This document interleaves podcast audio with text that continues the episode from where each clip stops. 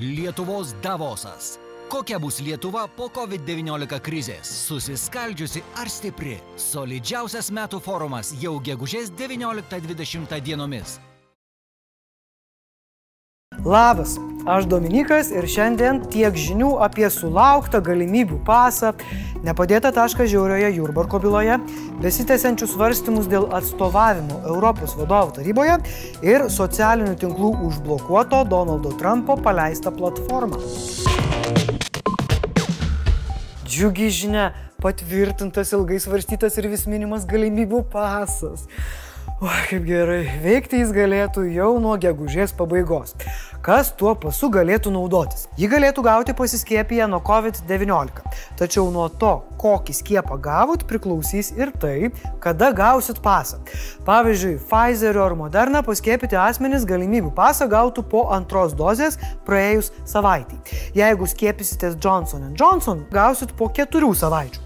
Su Vakzevrija arba AstraZeneca panašiai. Pasas praėjus keturioms savaitėms nuo pirmos vakcinos. Nebent žmogus atsisakytų antros skiepo. Tada pasas nebegaliotų.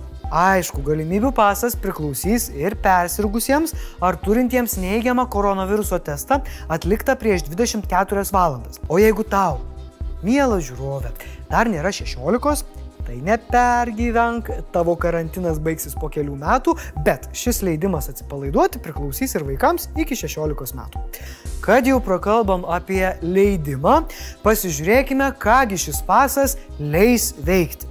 Taigi, žmonėms numatoma galimybė lankytis restoranuose, kavinėse, baruose, esančiose uždarose erdvėse.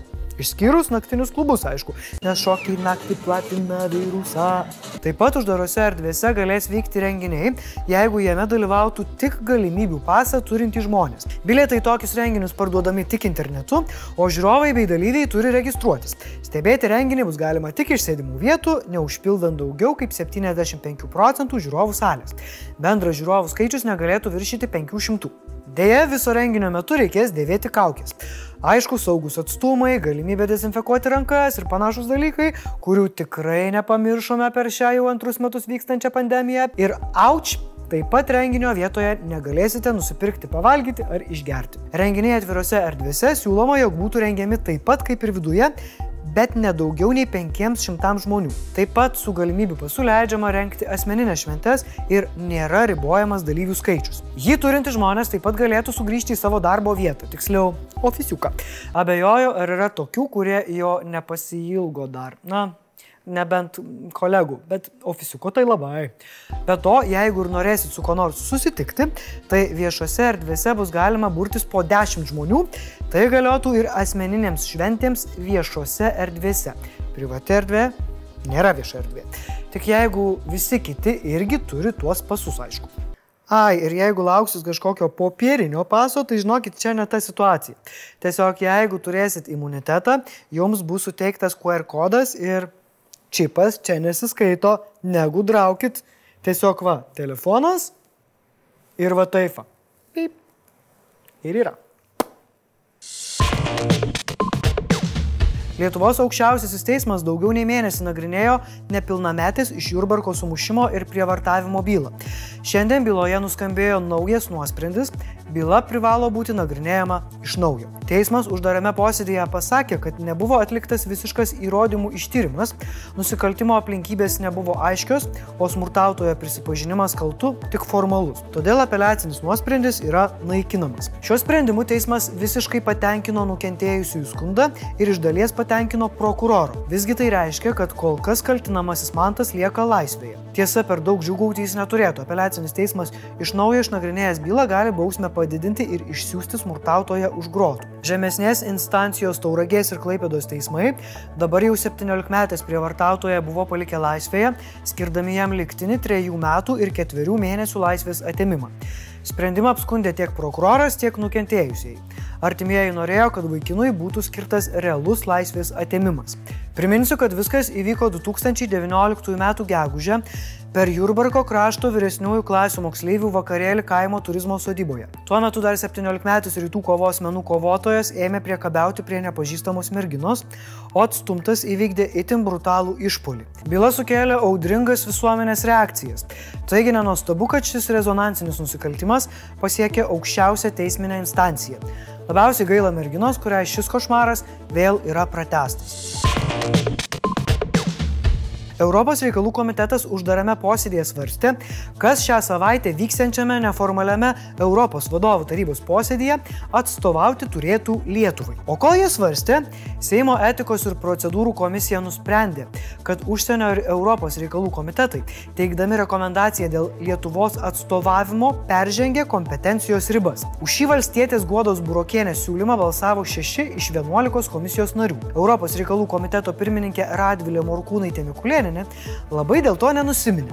Sakė, kad valstietės inicijuotas sprendimas yra politiškai motivuotas ir tikrai nesustabdys šio komiteto nuo rekomendacijų ateityje. Kodėl čia iš vis to svarstymo prireikia? Jei pamenate, prieš kelias savaitės konservatorius Matas Maldeikis iškėlė klausimą, ar ne per daug garbės mūsų valstybės vadovui važinėti į valstybių vadovų susitikimus. Reikalo ėmėsi užsienio reikalų komitetas, paprašęs užsienio reikalų ministerijos paaiškinti, Ši pasakė, kad sprendžia vyriausybė.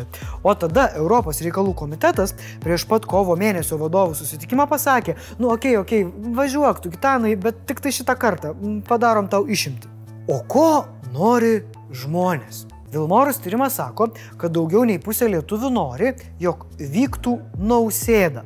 O Žiniasklaidos planavimo agentūros Open Agency tyrimas sako, kad beveik 40 procentų žmonių nori rotacijos. Ką apie tai mano patys mūsų valstybės vadovai? Ingrida Šimonytė laikosi nuomonės, kad ji ir prezidentas į vadovų tarybą galėtų važinėti pakaitomis. Tuo tarpu prezidentas net kelis kartus pakartojo nematas jokio reikalo keisti esamos praktikos. Jam iš vis sunku suvokti, kodėl konservatoriai kelia šitą klausimą, kai turi tiek reikalų su koronavirusu. Prezidento patarėja Asta Skaisgirytė dar pridėjo, kad konservatoriai elgėsi neatsakingai. Tai kur konservatorių partija buvo tos 12 metų? O kaip manote jūs, kokį receptą galėtų mūsų gitanas parsivežti iš Europos vadovų tarybos e, posėdžių? Parašykit komentaruose. Jau žodžiu piragą. Antrai kadencijai neperinktas buvęs Junktinių valstijų prezidentas Donaldas Trumpas ieško būdų, kaip pasiekti savo sekėjus ir fanus visame pasaulyje. Kodėl jam to reikia? Na, pagrindė todėl, kad jis yra užblokuotas beveik visuose didžiausiuose socialiniuose tinkluose. Twitteris ir Snapchatas verslininką iš savo tinklalapį pašalino visam laikui. Tuo tarpu YouTube'as ir Facebook'as, nu, neįvardintam laikotarpiai, pabūsim, pažiūrėsim, paskaitysim. Ir šiandien nepriklausoma Facebook priežiūros komisija paliko galioti platformos sprendimą užblokuoti Trumpo paskyrą. Sprendimas galioja ir jo Instagramui. Komisija pažymėjo, kad platformai nedėra taikyti neterminuotą ir nestandartinę išaldymo neribotam laikui bausmę ir paragino Facebook per pusmetį iš naujo išnagrinėti šį klausimą, siekiant nustatyti ir pagrysti proporcingą atsaką. Tai, kaip jau sakiau, kadangi jis yra visur užblokuotas, o savo žinutės visam pasauliu skleisti be abejo nori, reikia rasti kaip. Pastaruoju metu jis tą darė naudodamasis pranešimais spaudai ir retkarčiais pasirodydamas televizoriuje.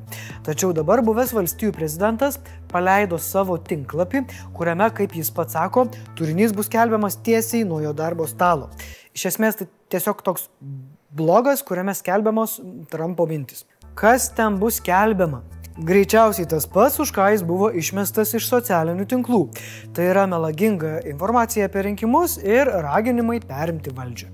Ekrane galite pamatyti kelis, jau aišku, ištrintus perliukus iš pono Twitter paskyros. Ir manau tikrai nespėjote pamiršti, iki ko gali atvesti tokie didelę auditoriją turinčio žmogaus tweetai.